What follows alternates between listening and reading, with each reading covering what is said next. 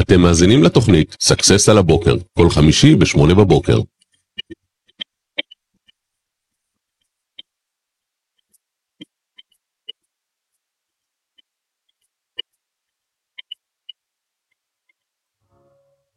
טוב, בוקר טוב, מה שלומך נעמי? בוקר טוב, מה נשמע? מה העניינים? איזה כיף שאת איתי היום בשידור. חיפשתי אורח מיוחד, בדרך כלל זה תמיד עם זאב, ואמרתי, מי אני יכול לשלב שאני עוקב אחריו, והוא ככה מאוד מאוד מעניין ויכול לתרום לכל מי שצופה.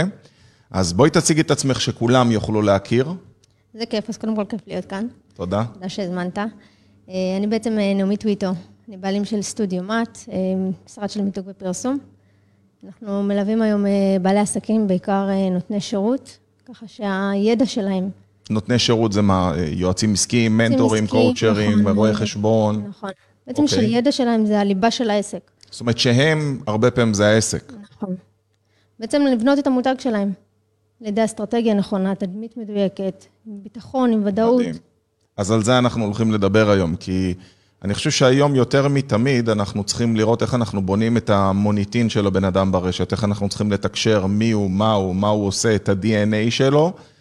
אה, אני חושב במיוחד שבעולם שיש כל כך הרבה פרסומים, וכבר קשה מאוד להבדיל בין תוכן ממומן לבין תוכן שהוא אמיתי וכנה ולהתחבר לבן אדם, מאוד מאוד חשוב. אני אתן לך דוגמה איפה אני רואה את זה, אמרתי לילדים שלי, אני מאוד מאוד אוהב את הפלטפורמה של טיק טוק בשעות הפנאי. ופעם הייתי מקשיב לביקורות על מסעדות. עד שגיליתי, כאילו, ברבות הימים, שפשוט האנשים האלה שבאים לעשות ביקורת כביכול על מסעדה, מקבלים 3,000, 4,000, 5,000 שקל, וכל פעם הם כאילו מגלים מקום ונותנים ביקורת, והביקורת היא לא באמת אותנטית, ואז אני לא באמת סומך על, ה, על מי שנמצא מולי. ואנחנו חיים בעידן שהפרסום הוא כל כך סמוי, שמה שנשאר זה או להתחבר לבן אדם, ואז לרכוש ממנו, או לא להתחבר לבן אדם. בדיוק. מה את חושבת לגבי זה? אני חושבת שהיום אה, אפשר ממש להרגיש מותג ששם את הלקוח שלו במרכז. מותג שבא לצעוק את זה שהוא, אני מותג ואני טוב. אז אה, אני חושבת שהיום מי שמכתיר אותך כמותג זה הלקוחות שלך. איך הם מרגישים, מה ה vibe שעבר עליהם. איך זה בא לידי ביטוי? איזה, איזה תהליך את עושה? כן. כאילו, הזכרת מסעדה, אז אני אומרת, אם אתה היית במסעדה וחווית חוויה שהייתה טובה בשבילך, אתה רוצה לספר את זה הלאה, אתה רוצה לצעוק את הבשורה, תתייג אותם, תעלה story, ואז שם יצא לך מפיצי בשורה, אתה בעצם יוצר לך אוהדים, יוצר לך בעצם את החוויה שאתה יצרת ללקוחות שלך, זה בעצם מה שמשרת אותך. איך מעודדים אנשים שנמצאים באמת to engage, להיות יותר מעורבים? אתה מתכוון עכשיו במעורבות ברשת. כן, את אומרת שמי שנמצא אצלי בעצם מכתיר אותי כאישיות. נכון. אז זה בעיקר חוויית הלקוח שלך. אנשים רוצים להרגיש שהם חלק ממשהו גדול. אם אתה לא תייצר להם את ההרגשה הזאת, אז הם לא ירצו להיות חלק. הם יגידו, הייתי, והמשכתי הלאה. אני מחייך למי שרואה את השידור בלייב, כי יש כאלה שישמעו את זה כפודקאסט. את אומרת חוויית לקוח, זה הפך להיות שם כל כך אה, משומש. נכון. ואני אגיד לך משהו, היה אצלי אחד מהאתרים הגדולים ביותר בארץ בתחומו. בסדר, בוא נגיד שזה בבגדים, כי זה לא בבגדים. תחשבי ש... אחד האתרים שמוכרים הכי הרבה, במיליונים בחודש, בסדר? ואני אומר לו, תקשיב, הבגדים שאתה מוכר אצלך באתר, הם לא שלך. אתה לא היצרן, אין לך אפילו מותג משלך, ואתה פשוט אה, עושה כמו קניון כזה, ושולח לכולם. והמחירים, אתה אפילו לא הכי זול, אתה אפילו עושה יבוא מקביל. הוא אומר לי, כן, כי אני, הייחודיות שלי והתשומת לב שלי זה על החוויית לקוח. ואז אני מסתכל על האתר שלו, ואני אומר, אחי, אין לך אפילו כפתור צ'אט באתר, אין לך וואטסאפ, אני לא יכול להתכתב עם אף אחד אצלך באתר, אני מקסימום יכול לקנות חולצה, ואם אני מסתכל על זה ואני שואל אם יש כזה גם אה, במידה אחרת, או האם זה סלים או קלאסי, אין מי שיענה לי, על איזה חוויית לקוח אתה מדבר? הוא מסתכל על השותף שלו באותו רגע ואומר, תשמע, הוא צודק, אנחנו לא באמת אה, משדרים חוויית לקוח, אנחנו סתם אתר מכירות שאומר שאנחנו... איפה, אמרתי לו, איפה החוויה? אומר לי, בזה שהאתר נראה מאוד מאוד יפה, אמרתי לו, זה לא חוויית לקוח. חוויית משתמש אולי, זה לא... נכון. אני, אני גם אה, ככה, זה, זה מה שאני כמעט כל הזמן אה, חוזרת ואומרת, זה לא מה שאנחנו מספרים לעצמנו, זה מה שאנחנו. אי אפשר לעבוד על עצמנו, אי אפשר לעבוד על הלקוחות שלנו, במיוחד היום. אה, בשנת 2023 יש לנו צרכן מאוד מאוד חכם. אפשר כבר לעבוד, אפשר ל- לעשות את כל הטריקים השיווקיים. כבר אנשים סבו את זה, הם כבר חיים את העולם של המותגים, ולכן ה- היצירת חוויית לקוח והאישיות שלנו היא חשובה מתמיד. עכשיו, איך אנחנו עושים את זה בתהליכי מיתוג, לדוגמה? אה, בפיצוח אסטרטגי, אחד התהליכים הכי הכי חשובים מרכזיים, זה בניית ערכים למותג. אוקיי, תני לי דוגמה. כשאנחנו מותג עם אישיות, עכשיו לצורך העניין הגיעה אליי אה, מישהי שיש לה עסק לפרלינים. אוקיי.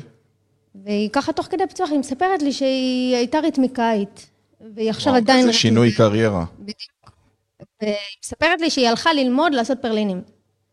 והאמת שכאילו נשארתי מופתעת, זה לא שאת עשית הסבת מקצוע, לא כי את, יש לך איזה תחביב, אז בואו בוא נגדיל אותו ונאמץ אותו, אלא הלכת ללמוד לעשות פרלינים. והנקודה הזאת בלהבין למה את עושה את מה שאת עושה, הפכה את זה באמת לאישיות, למותג שבעצם מביא בשורה. ניסינו להבין ככה מה משותף בין שניהם. כי רתמיקאית זה, אתה יודע, זה אביזרים וילדים וחוויה וככה יותר, אה, משהו שהוא יותר שמח ואנרגטי, ופרלינים זה להתעסק עכשיו עם אה, שוקולדים ועם... אה, עכשיו, זה לא שהיא הלכה לעשות עוגות יפות, ודווקא פרלינים. זה בעצם ההתמחות שלה. ואז הבנו בעצם שהאני מאמין שלה זה לבוא ולתת, בעצם לשמח אנשים על ידי הנתינה שלה. שזה בעצם, שים לב, כאילו בשתי הדברים האלה, היא לא הלכה עוגה יפה, טעימה, יודעת לעשות היא קונדטורית. פרלינים, המיוחדות שלהם זה נתינה. אנשים לא הולכים קונים פרלינים כדי לטעום אותם. וגם פה, עם ילדים, היא רוצה לשמח, היא אוהבת את הפידבק הזה. אז איך את מהאנשים. מתקשרת כזה החוצה? כשאנחנו בונים את המותג, חלק מהערכים זה גם בחירת צבעים, זה התדמית, זה אם את חשוב לך לייצר אה, יוקרתיות. אם אנחנו עכשיו בעסק של פרלין, אם זה- צריך בריאותיים על טהרת הטבעוני, אז היה לזה צבעים אחרים, ואם זה אנחנו פרלינים, נשלב, אנחנו ניגע. קודם כל, ברגע שיש לנו פרלינים ויש כל מה שמדובר ביוקרתיות, אז חשוב לנו תמיד לשדר את זה עם צבעים שיביאו לנו גם במעברי צבעים, זה לא משהו שיהיה צבע שטוח, זה לא יהיה צבע בנאלי, זה יהיה משהו שהוא אני עומק. אומרת סתם ככה, זה כמו זהב כזה, משהו כבד כזה, כמו עץ מהגוני, משהו, אפילו נגיד צבע קרמל, יכול להיות שיהיה פה איזה טאץ' אחר, משהו ייחודי שהוא שלה. צבע שהוא לאו דווקא זהב, הנחושתי הזה, השוקולדים, משהו שבעצם יביא את הצבע שלה. ואם זה טבעוני, זה נכון, כן, נכון, כן.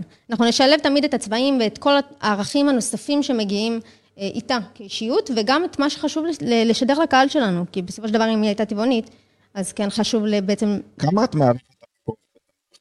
זה משהו שאת רק מראיינת אותו, ואז פשוט אומרת, אוקיי, מה שאתה צריך זה א', ב', ג', או שאת עושה איתו דו-שיח על הדבר הזה?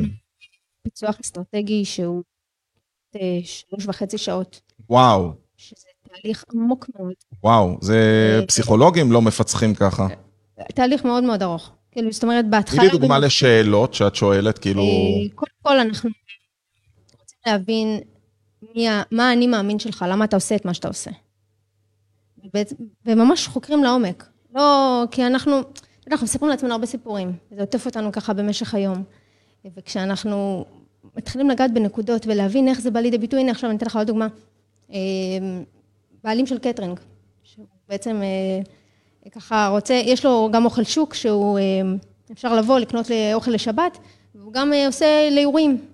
עכשיו, הוא מספר לי כבן אדם, אני, תקשיבי, אני סחבק, אני, תני לי, אני, אני אוהב, תני לי, אני מילה זה מילה, אני עזבי אותי דפים, עזבי אותי חוזים, עזבי אותי דברים כאלה. אני רוצה בסופו של דבר להוציא את הלקוחות שלי, איך שהם, אה, איך שהם אה, בעצם יהיו עם אה, אור על הפנים בסוף האירוע, שהלקוחות שלהם יעופו על זה. עזבי אותי עם כל הניירת והדברים וזה, אני לא, לא איש של מספרים או, דפים. עכשיו, כשאתה, תוך כדי שאנחנו ככה מדברים, אנחנו, אתה יודע, אנחנו שומעים כל כך הרבה פידבקים וסיפורים, ולשמוע ככה איך הלקוחות שלך חווים את זה, אוקיי, זה מה שאתה אומר, מה, איך זה עובד. אז הוא מספר לי ככה, לדוגמה, היינו באירוע, סיימנו אירוע, זה היה מעין טברנה כזאת, אה, משהו ככה לתוך הלילה, לקחתי את כל האוכל שנשאר, והכנתי מזה, יוצאתי להם בופה עם כל האוכל שנשאר. מה קורה באירועים רגילים? אוכל שנשאר, אחרי זה... הצוות אוכל, הצוות אוכל, אוכל, או מביא לך תבניות, או מביא לך זה. הוא הביא פה דבר שמביאה בעצם את הייחודיות שלו, ואת מי שהוא, את הסחבקיות. כאילו. אכפת לו להרוויח עליך, לא אכפת לו עכשיו, לא בא לך לעשות קופה. הוא בא, אני רוצה שנהיה... הוא לא מחפש לעבוד פחות, הוא מחפש לעשות אותך שמח. אני מביא את, ה, את הבינינו. אני, אני חבר שלך, אני, אני לא, בוא נגיד, אני לא אדפוק אותך, נכון? למה? איך את מביאה דבר כזה למיתוג? הנה, דבר כזה לדוגמה, מה עשינו? לקחנו את המיתוג שלו. הכל אצלו מתחיל ונגמר במשפחתיות, באנושיות, בעצם להביא את האווירה הזאת. אה, וקודם כל בחרנו את הצבעים שמתאימים לו, שמביאים את האופי הזה. בעצם משהו גם אנרגטי, אבל שיהיה תואם לאוכל. אנחנו לא יכולים לקחת אה, צבע שהוא כחול, שהוא קר ומנוכר, אז אנחנו צריכים בעצם לשלב אותו, אוקיי? אז ה... קודם כל הבאנו את החתימה שלו בלוגו. זאת אומרת, גם הסלוגן הבאנו חתומים על הטעם. אני חותם על זה, זה אני. יש לו גם את המילה שלו, שהיא מילה מאוד מאוד חזקה. אה, הפכנו, שמנו בעצם, אתה מכיר את כל הסמלים האלה שיש את הסבתא משנת 1960? כן, כן, כן. אז בחרנו קונספט אחר, לקחנו את המשפחה, הפכנו אותם להצללה, בעצם חותמת של המשפחה, כי כל המשפחה שם הם... סילואט כזה, כאילו. נכון, כן, ממש צלליות של כל אה, דמות. אה, עכשיו, תחשוב שהם הם כל המשפחה בעסק, הם בעצם, הם, הם מנהלים את העסק. הילדים שלו, אשתו, הם, הכל שם, כל, ה, כל העסק שלו, כל האמירה זה זה. אז בעצם לקחנו צללית של המשפחה ועשינו אותה בהצללה. גם השם של העסק, השם של העסק שלו, של המשפחה שלו, טעם את, את העסק. אז הבאנו את, את השם שלו בתור, אה, בתור שם של עסק. למה? כי זה גם המשפחתיות, וזה גם מתאים. עשינו כמובן פיצוח, ולהבין שהשם הזה הוא לא יהיה דווקא שם משפחה שככה אה, יבטא משהו מנוכר, אלא בעצם שיביא את האווירה. והפכנו את זה בעצם לסמל של לוגו, שמאחד את כל הנתונים האלה, גם חתומים על הטעם, גם החתימה הזורמת של העסק שלו. כאילו מדלגים על השלב, הם יותר, נראה להם הגיוני להוציא 2,000, 3,000, 5,000 שקל בחודש בפייסבוק או ברשתות אחרות. כשאומרים להם, בוא תעשה תהליך אה, מיתוג, תעשה את הלוגו שלך נכון. מה? רצו ממני 1,500 שקל על לוגו. אחי, לוגו זה לכל החיים. אני החלפתי לוגו פעם ראשונה לפני שנה, אחרי שהעסק שלי, אני בייעוץ עסקי 23 שנה, רק לפני שנה החלפתי את הלוגו. זאת אומרת, תחשבי כמה שנים השתמשתי באותו לוגו ששילמתי עליו, לא זוכר כמה, 1,500, 2,000 שקל, אי שם לפני הרבה מאוד שנים. זה אחד הנכסים הכי חשובים. צריך להבין שיש לזה, הוא נכס, כי זה בעצם ערך מצטבר. זאת אומרת, נחשפים אליו ורואים אותו עוד פעם, ואתה למעשה מנכס לעצמך את הצבעים של המותג שלך. הצבעים של המותג שלי, הלוגו של האריה שאני משתמש, הלוגו של החברה שלי, כל הדברים האלה זה השפה העיצובית שלי. היום כשרואים ציטוט שלי כאלעד הדר, מזהים את התבנית, אני משתמש באותו גריד, עם אותם צבעים, באותו פורמט, ואפילו בלי לקרוא, נמשכים לזה, אומרים, אוקיי, זה ציטוט של אלעד הדר. ואנשים לא מעריכים את זה מספיק, הם חושבים שעסק, בוא נתחיל, נעשה בקנווה או בפייבר או משהו כזה, למה לדעת איך הם, הם מדלגים על השלב הזה? אני חושבת ברגע שאנחנו מבינים שזה לא מיתוג, גרפיקה, זה אסטרטגיה, זה ביטחון, זה עוצמה, זה חיבור אישי שלך עם המותג, עם המסרים שלך, אז אתה מבין את המשמעות של מיתוג. כי היום יש הבדל דק כזה בין, ה... כמו שאמרת, חוויית משתמש מילה קצת משומשת, גם המילה מותג לצערנו, גם המילה מיתוג לצערנו. זה משהו שחייב באמת להבין רגע מה זה אומר מיתוג. מיתוג בעצם זה המיצוב שלך, של המותג שלך, של התדמית שלך. זה ההבנה באמת של מה שאתה עושה, של למי אתה מוכר, של בעצם כל המותג שלך כהוויה, ואז אתה מגיע לנקודה של המיתוג, של הנראות, של איך אתה מביא את כל הדבר הזה, את האסטרטגיה, את הגרעין, ומוציא אותו לפרונט. אני הבנתי עכשיו, סימון, כל הזמן שואלים אותי, אלעד, מה ההבדל בין מיתוג לגרפיקאי? וגרפיקאי, הוא יעשה את מה שאתה תגיד לו, כן? אולי הוא ייתן כמה טאצ'ים ממנו, אבל מה שהוא יעשה, הוא ידאג שזה יהיה יפה. וממה שאת אומרת, שאת עושה תהליך של שלוש וחצי שעות, מה שאת מחפשת זה שזה יהיה נכון, שזה ישדר את אותם מסרים. לא רק נכון, אלא בעצם גם יחובר מאוד מאוד ללקוח. יש לך דוגמה לספר לי על משהו שראית פספוס מאוד גדול? שמישהו... ממש. תני לי דוגמה. על טעויות שאנשים עושים בתהליך, אה, שאיך שהם מציגים את העסק שלהם כלפי חוץ. האמת שאני, כואב לי המון המון שאני רואה אה, דווקא עסקים שהם בחוץ. לצורך העניין, אפילו כך מסעדות שפותחים. השקעתם כל כך הרבה כסף על ציוד, על מקום, אתם משלמים הון תועפות. אנשים לא יודעים שמסעדה הכי פשוטה לפתוח זה מיליון שקל, כאילו זה מגיע למיליונים. זה, ואז את התדמית, את השילוט, את הפרסומים שלכם, אתם לא עושים נכון. פרסומים, פתחנו. שנייה, רגע, תביא ערך מוסף, מה הבידול שלך, אחי? יש לך, יש עוד מאה כמוך. אנחנו בעיר שוקקת uh, מסעדות. מה המיוחדות שלך? מה הבידול שלך? ושם בעצם הם נופלים, כי הב... אם הם לא הביאו בידול, לא במיתוג שלהם ולא בנראות שלהם, בייחודיות שלהם, אתה רואה איזה משהו מאולתר ככה, איזה המבורגר שמופיע על השלט והם בטוחים שזהו, זה יעוף. רגע, אתה, אתה יודע בכלל מה מיוחד בך? ברגע שאתה עושה את הבידול הזה ואת המיתוג בצורה נכונה, אתה עם ודאות, אתה עם ביטחון, אתה עסק שעובד אחרת. איך את מפצחת? אני אצטרף אלינו לשידור אה, לקוח של, אה, שלנו מהעבר בשם אה, מני, והוא, יש לו סטודיו, סטודיואים לכושר, ואיך את מתגברת על זה שעל פניו, כשתשאלי אותו, הוא יגיד לך, אני סטודיו לכושר, מה אתה עושה? יש לי יחס טוב, אני, אני אמין, אני מאוד מקצועי, הצוות שלי מקצועי, אבל זה אותם מסרים מה שכולם אומרים. הוא בעצם חוזר על אותו דבר. איך את מייצרת את אותו בידול בנראות ובמיתוג שלו על פני אחרים? אתה יודע מה קורה תמיד שאני שואלת, לפני שאנחנו ככה מתחילים שאלון של אה, תהליך של מיתוג? יש שאלון, בריף, מאוד מאוד מעמיק, שלקוח עונה עליו. עוד לרוב, לפני השלוש וחצי שעות? נכון, כדי שאני אקבל הבנה. זה מה שזוגיות לעבוד איתכם. ממש. לא זוכר מתי דיברתי עם אשתי שלוש וחצי שעות. שותפים. עכשיו, בדרך כלל בשאלה, מה הבידול שלך? מה הייחודיות שלך? אתה יודע, בוא נשמע ממך. כמובן שהם לא יודעים, הם לא עונים, הם אומרים, אני מאוד אמין, אני מאוד מקצועי. הם יכתבו לך, אני כותב לך פה את כל מה, ש... כל מה שהמתחרים שלי עושים, ואני אומר שזה רק אני עושה. זה בעצם הסאבטקסט של מה שכתוב שם. אוקיי. כי כולם רוצים... אבל הרבה אנשים, הרבה אנשים חושבים, תראה, אני הכי מקצועי, כולם מחרטטים, אני אומר את האמת. אה, כולם עושים אוכל תעשייתי, אני עושה אוכל טעים. זה מאוד בנאלי. שזה מה שהם מביאים. אומרים, אני נותן שירות טוב. אז ברגע שאנחנו מחברים את זה, הנה עכשיו אתה אמרת לדוגמה סטודיו לכושר, כשאנחנו מחברים את זה לאישיות, אין עוד כמוך. אתה אלעד אדר, יועץ עסקי, יש לך ייחודיות שאין לאף אחד בעולם הזה. וכמותג אתה מוביל את הערכים שלך, את הייחודיות שלך, אפשר ממש לראות את זה חותמת במותג שלך. ככה כל אה, בן אדם שמוביל את המותג שלו, כשאנחנו מבינים שהעסק שלנו, אנחנו לא מתנהלים מול עסקים, אנחנו מתנהלים עם אנשים. אז בעצם אנחנו בונים את המותג שלנו, מה מיוחד באותו מאמן אומרת, כושר? בוא ניקח את אותו מאמן כושר, את אותו מני, מה, נשים אותו בפרונט, נכניס את ה... של... שלו, ביום-יום, איך הוא מתנהל מול אנשים. ואז אתה מגלה שם דברים מאוד מיוחדים, כבן אדם, כאישיות, שהוא פתאום מאוד מאוד חשוב לו שהמתאמנים שלו, הוא לא מוותר למתאמנים שלו עד שהוא רואה תוצאות. יכול להיות שאותו אה, מאמן כושר לא לוקח ממך כסף עד שיהיה לך את התוצאה הרצועה, לא מעניין אותו, עכשיו הוא מעניין אותו באמת שאתה תשיג את התוצאה שלך.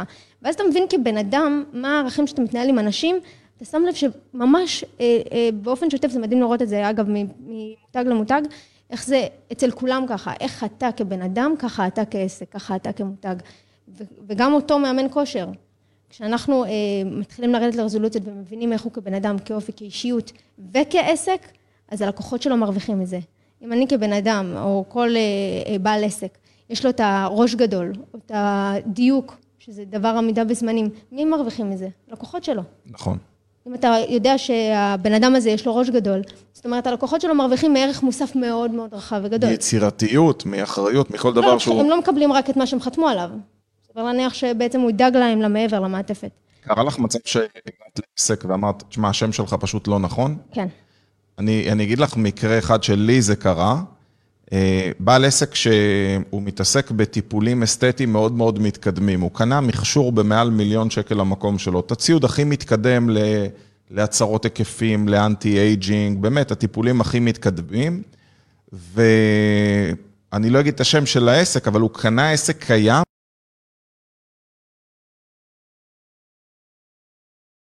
עסק, נגיד שקראו לו נעמי ספא. והוא השאיר את זה נעמי ספא. עכשיו, זה היה לפני כן ספא. היה פה מסאז'ים, והיה שם סאונה, והיה אפשר לבוא ליומי כיף. הוא פשוט קנה את המקום והוא אמר, הערך המוסף שלי, שקניתי את זה עם הלקוחות, והלקוחות יכירו, רק אני הוספתי עוד שירותים. וזה פגע בו בצורה בלתי רגילה, כי בן אדם שבא לספא, הוא מחפש יום כיף, הוא מחפש מסאז'ים, והוא לא ישלם 5,000 שקלים על חמישה טיפולים שמתעסקים בטכנולוגיה הכי מתקדמת. אתה לא יכול לשכנע אותי שיש לך טיפולים מתקדמים כשמדובר בספא. והוא פשוט הגיע למצב של קריסה כלכלית, הוא לא יכל לשלם על המכונות, כי אף אחד לא רצה את הטיפולים. הפניות היחידות שהוא הגיע זה לספא. נכון, כי השם שלו, אנשים מחפשים... נכון, אז זה, זה טעויות בשם לפעמים פשוט יכולות, מה שנקרא לגרום לעסק פשוט לקרוס. אתן לך דוגמה גם למישהי שמגיע אלינו מתחום האירועים. ככה אגיד שמות אחרים כדי שבאמת זה יהיה... כן, גם אני משתמש תמיד בג'וני ובליזה, יש לי שמות אה, בדויים קבועים. ככה, עושה את הפיצוח, ואני אומרת לה, תגידי, למה, למה השם שלך, אם השם שלך הוא מיכל רבינוביץ', למה השם שלך הוא מיטל? כאילו, על סמך מה בחרת את השם הזה? את יודעת, יש לך אה, כן. תחום שהוא די, כאילו, או שתקראי לזה בשם שקשור לאירועים, או שתגידי, מה, מה זה קשור? אמר לי, לא, הבת שלי קוראים לה ככה, ואני מאוד מאוד אוהבת את השם הזה. בחרתי ככה, אני כבר 15 הגיוני, שנה... מי קרא לבת שלך? 16 שנה אני בשם הזה, ואני רצתי עם זה. וככה מכירים אותי. אמרתי, עכשיו תגידי לי רגע שאלה. את מחלקת, אה, עכשיו, נכנסתי אפילו גם לרזולוציה שאת מחלקת כרטיסי ביקור, יש לך כאילו... אמרתי לי, לא, האמת שלא, יש לי את ה... בעצם את הקיר שלי, את ה... אמרתי, תגידי, יוצאים מהאירוע שלך. אני רוצה, אני מאוד מאוד אהבתי את האירוע, ואני רוצה ליצור איתך קשר. איפה אני מוצאת אותך? תחפשי ב... ב... בגוגל, בכל מיני מקומות, תמצאי אותי, יש גם צד בפייסבוק. אמרתי לה, אוקיי. לצורך העניין אמרנו מיטל, אני כותבת בגוגל אה, מיטל אירועים. כמה מיטל אירועים יש? מלא. מה, מה, איך אני יודעת שזאת את? אז אמרה לי, אה, האמת שלא לא חשבתי על זה. עכשיו, בכלל מסתבר שהשם שלה הוא אחר, השם שלה הוא, הוא איקס, כאילו, אם זה עכשיו אמרנו מיכל רבינוביץ', אז תקראי לעסק שלך מיכל רבינוביץ'. את המותג, את, את התקליטנית, את כל ה... אמר לי, וואלה, באמת אף פעם לא חשבתי על זה. זה היה, זה היה פשוט, כאילו, שינה לה את כל... היא לא ישבה לחשוב על זה יום אחד. שאנשים מחפשים אותה ומוצאים מישהי אחרת, והולכים למישהי אני אחרת. אספר לך משהו מצחיק, שלקח לי שנים לתקן. את יודעת שבהתחלה כשהייתי אה, עסק חדש, אנשים היו מחפשים סקסס, והם היו כותבים את זה בעברית, והם היו כותבים סמך קוף, סמך סמך, וזה היה נראה כמו סקס, והתוצאות הראשונות, גוגל היה חושב שזה טעות בהקלדה של המילה סקס, ופשוט כל התוצאות בעמוד הראשון היו של דברים אחרים. עד שהרגלתי אנשים או לכתוב באנגלית, או שאני כותב סאקסס עם א', סמך א', קוף סמך סמך. היום, בגלל שגוגל כבר למד מי אנחנו ומה אנחנו, ואת יודעת, הוא יודע שאנשים שמחפשים סקסס זה לא טעות של סקס, אלא זה סקסס, אז הוא יודע להפנות אלינו. אבל אני יכול להגיד לך שזה דוגמה לטעות שאנשים לא חושבים עליה נכון. בהתחלה. חד משמעית, ובחירה של שמות בעניין הזה היא מאוד מאוד חשובה. אגב, גם זה משהו שאני כאילו ככה, צבט לי ככה בהתחלה, כאילו, ההבנה הזאת באמת שכאילו, ככה גם אני הייתי מחפשת ורואה, ו... לא, אני אומר, אנשים ששומרים אותי בשם, הוא, הוא רושם עכשיו אה, ליז, ליזה סקסס, ואני אומר, תקשיב, יקפוץ שיחה מליזה, אשתך תראה ליזה סקסי, לא תקרא עד הסוף. אתה תרשום את זה עם א', אל תרשום את זה ככה. לכן זה באמת אה, משמעותי כל כך, ואני אומרת, זה בכל כך הרבה היבטים. עכשיו, באמת נגענו ככה בכמה אנקדוטות, אבל זה מתחיל בבחירת שם, וזה באמת במי שאתה ובבידול שלך, בערכים שלך, ובמה שאתה מביא, בוחר להביא לקדמה אה, של הרשת, של התכנים שלך, של המסרים שלך. כי אם הוא מדויק בבידול שלך ובאסטרטגיה שלך, אז כל המעטפת, ואתה בעצם מחטיא מטרה לטווח רחוק.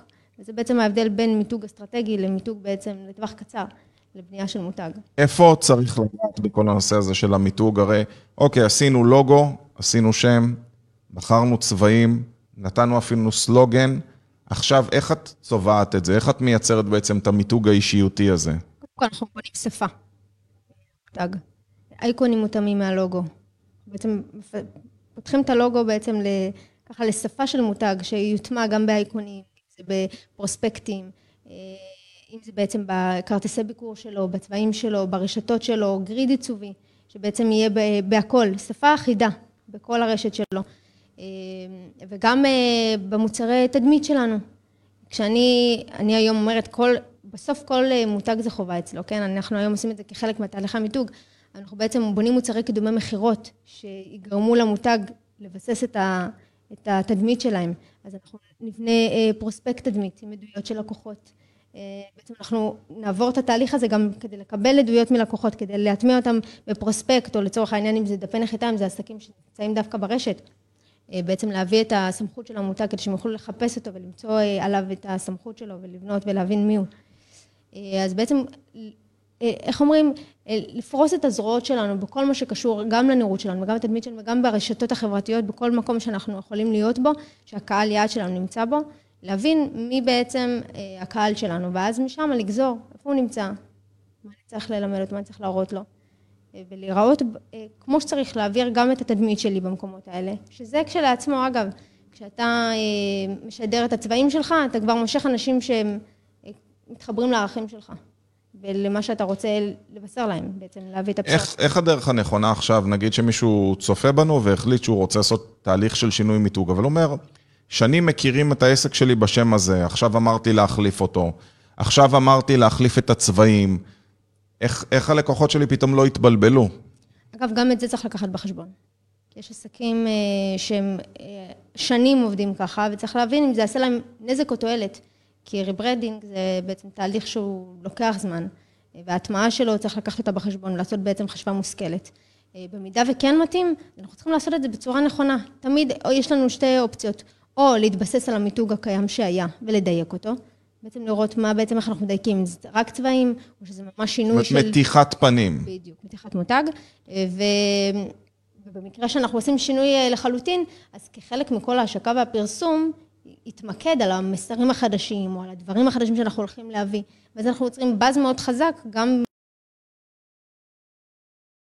דעת, רוצים לשמוע. איך היית מפרסמת את זה ללקוחות? יש לנו בעצם טיזרים, קודם כל. אה, מביאים בעצם את האייקון של המותג, אה, השקה בקרוב, הם לא יודעים עדיין מה זה. Mm. עדיין לא רואים את הלוגו מוכן, הם רואים את השפה העיצובית, רק ככה מרכיבה משהו.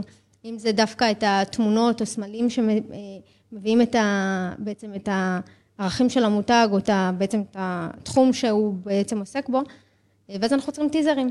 כמה את חושבת שזה נכון? אני רואה הרבה פעמים ברשת, אנשים שמתלבטים עם הרשת לגבי העיצוב. נגיד הם מעלים, אומרים, מה אתם אוהבים יותר, 1, 2, 3 או 4? כמה את חושבת שזה נכון לשתף את הקהל? אני חושבת מאוד.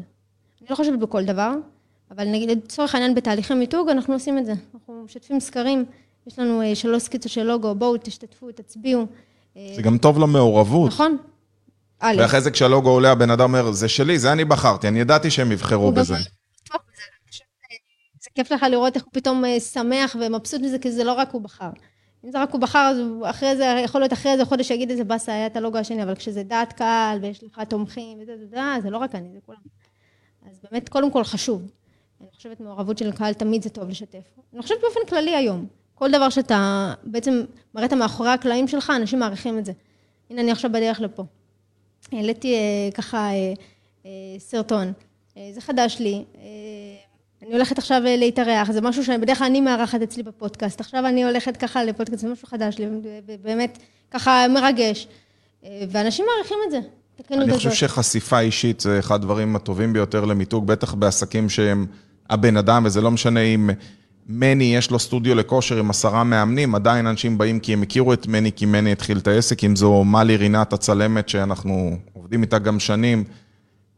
זוהי, אנשים מכירים, זה לא משנה אם מביאה עוד צלם ועוזר צלם ויש לה עורך, אבל בסוף זוהי, ואני חושב שהשיתוף הזה והנגישות הזאת וזה שהבן אדם הוא מה שנקרא חשוף, מייצר את המותג, כי בסוף יש רצף שנקרא No Like ו-Trust, אתה צריך להכיר מישהו, אתה צריך לאהוב אותו ואז אתה בוטח בו, ואם אתה בוטח, אתה משלם, קונה, ממליץ עליו לאחרים, ואתם צריכים להנגיש את עצמכם יותר. אבל אם אתם רוצים להיות באמת באמת זכירים, חשוב שיהיה לכם שפת מותג משלכם, מיתוג משלכם, צבעים משלכם. שאלה אחרונה לפני סיום, מתי זה נכון בכלל לעסק לעשות מיתוג? קודם כל בתחילת דרכו. כדי באמת שה... כמו שאתה יוצא עכשיו לדרך, מתי נכון לך לשים את הווייז? באמצע הדרך, אחרי שכבר עברת כל כך... אה, אנלוגיה מדהימה. אה, כנראה שכשיצאתם מהבית לכאן, איך אומרים, לא התחלתם את הנסיעה בלי לא. לשים ווייז, לא נסעתם להם. שלנו. זה, נעמי, רוב האנשים לא מחשבים כמה זמן זה ייקח, הם חושבים ש... מה, העליתי כבר שישה סרטונים, איך לא מכירים אותי, איך לא פנו אליי. ובמיוחד שיש את השקר הזה בהתחלה, שאתה מעלה סרטון ראשון, ואם לא העלית אף פעם, יהיה תמיד באז גדול, גם הרשתות החברתיות דוחפות אותך לתת לך עידוד, תמשיך, וגם פתאום כולם רואים אותך פעם ראשונה, אבל פתאום בשני, בשלישי זה לא עובד אותו דבר. עשית שישה, נגמר מה ששילמת על הסרטונים, אתה אומר, וואלה, זה לא עובד. לא, אתה פשוט לא מתמיד מספיק. לכן, אז... לכן מותג אסטרטגי זה נכס, זה לא הוצאה, זה לא משהו שהוא, זה משהו שהוא חובה לכל עסק. ב-2023, ועכשיו בעידן שלנו, זה יותר מתמיד משהו שאם פעם היה לנו בעצם אוקיינוס כחול, שאפשר לצאת לדרך גם עם הידע שלנו וזה מספיק, ואנחנו בונים את האוטוריטה, היום אנחנו חייבים לבנות באופן יוצא דופן מכל השוק. אה, ולצאת לדרך בצורה, איך אומרים, בטוחה ונכונה, עם ודאות. אני חושב שאנשים צריכים פשוט להבדיל בין לידים, את יודעת שזה משהו שהוא גירוי תגובה, אבל ברגע שהפסקת אותו אין אותו יותר, לבין נכסים, נגיד סרט או מיתוג, או אה, לא משנה, חומר שהכנת, מאמר טוב לעסק שלך, זה נכס. אל תצפה שכתבת מאמר, מיד יהיה לך פניות מהמאמר. גם השידור הזה הוא נותן המון המון ערך, אבל אני לא בונה על זה שיהיה מיד פניות מהשידור הזה. יכול להיות שבן אדם צופה ואומר, בואנה, אני חייב את נעמי, איך אני יוצר איתה קשר? אבל יכול להיות שהסרטון הזה עוד חצי שנה פתאום יגיע ממנו לקוח, כי הוא נכס. לעומת זאת, לידים, אני עושה קמפיין, אמנם מגיעות ממנו פניות, אבל הפניות שהגיעו הן מאוד מאוד קרות. זה אנשים שלרוב התעניינו רק במחיר, כי הם לא באו באמת בגלל הבן אדם, אלא הם באו בגלל שיש להם צורך, מגרד להם איפשהו, והם מחפשים את הפתרון הכי פשוט, הכי זול והכי מהיר. להבדיל מאנשים שהתרשמו ממך, עוקבים אחריך, החליטו שהם רוצים אותך, ואז הם יהיו מוכנים לשלם את מה שאתה באמת שווה. ואנשים לא משקיעים היום מספיק בנכסים, בגלל שכאילו יש קיצור דרך כזה. אני אעשה פשוט קמפיין ללידים. זה לא תופס לטווח ארוך, ברגע שירד הקמפיין, ירד הפניות. למעשה, אם בונים נכס, הנכס כבר עושה את העבודה שלו מעצמו, אבל במידה ומישהו רואה את השידור הזה, אני לא יכול בלי לשאול אותך, איך יוצרים איתך קשר אם רוצים? קודם כל, אנחנו נמצאים באינסטגרם, בפייסבוק. יש לנו אתר שעוד מעט אה, עולה, אנחנו ככה בשיפוצים ובנייה שלו כדי שהוא יהיה בצורה טובה ביותר. אה, אפשר ליצור איתנו קשר, אה, גם בעמוד הפייסבוק וגם באינסטגרם, יש שם גם פרטי קשר, אפשר ממש ישירות לשלוח הודעה בוואטסאפ או הודעה בדיירקט. אנחנו שמחים מאוד ללוות וגאים בזה, מותגים ועסקים.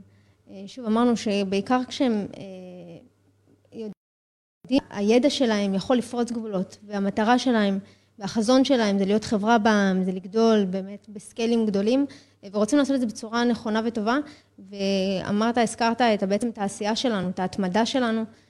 זה גם מנטרה שהולכת איתי אה, כמעט לאורך כל הדרך, לעשות 100% לעבר התוצאה, אבל לא לתת את התוצאה הזאת להיות 100% ממי שאתה. כי התוצאה הזאת תיקח לזמן, ואתה תיפול בדרך ויקח אה, באמת צריך סבלנות, ו... זה לא עובד מיד, צריך סבלנות ואז רואים תוצאות. נכון, לתת 100% ו... כזה בסוף... אה, זה יגיע. אם מתמידים זה מגיע, אז אמנם אמרת פייסבוק ואינסטגרם וזה, אבל את יודעת, אנחנו עדיין גם ב-2023 מתקשרים לעסקים. מה הטלפון שלכם? 54-913-8245. יפה. יש לך הודעה בוואטסאפ. נשמח, כמובן. יאללה, נעמי, שמחתי מאוד לארח אותך, היה כיף של שידור, ואני מקווה מאוד שאנחנו נתראה גם בחמישי הבא. אם אתם עדיין לא עוקבים, תעקבו אחרי השידורים ותקבלו התראה. שיהיה לנו שישי שמח. ביי ביי.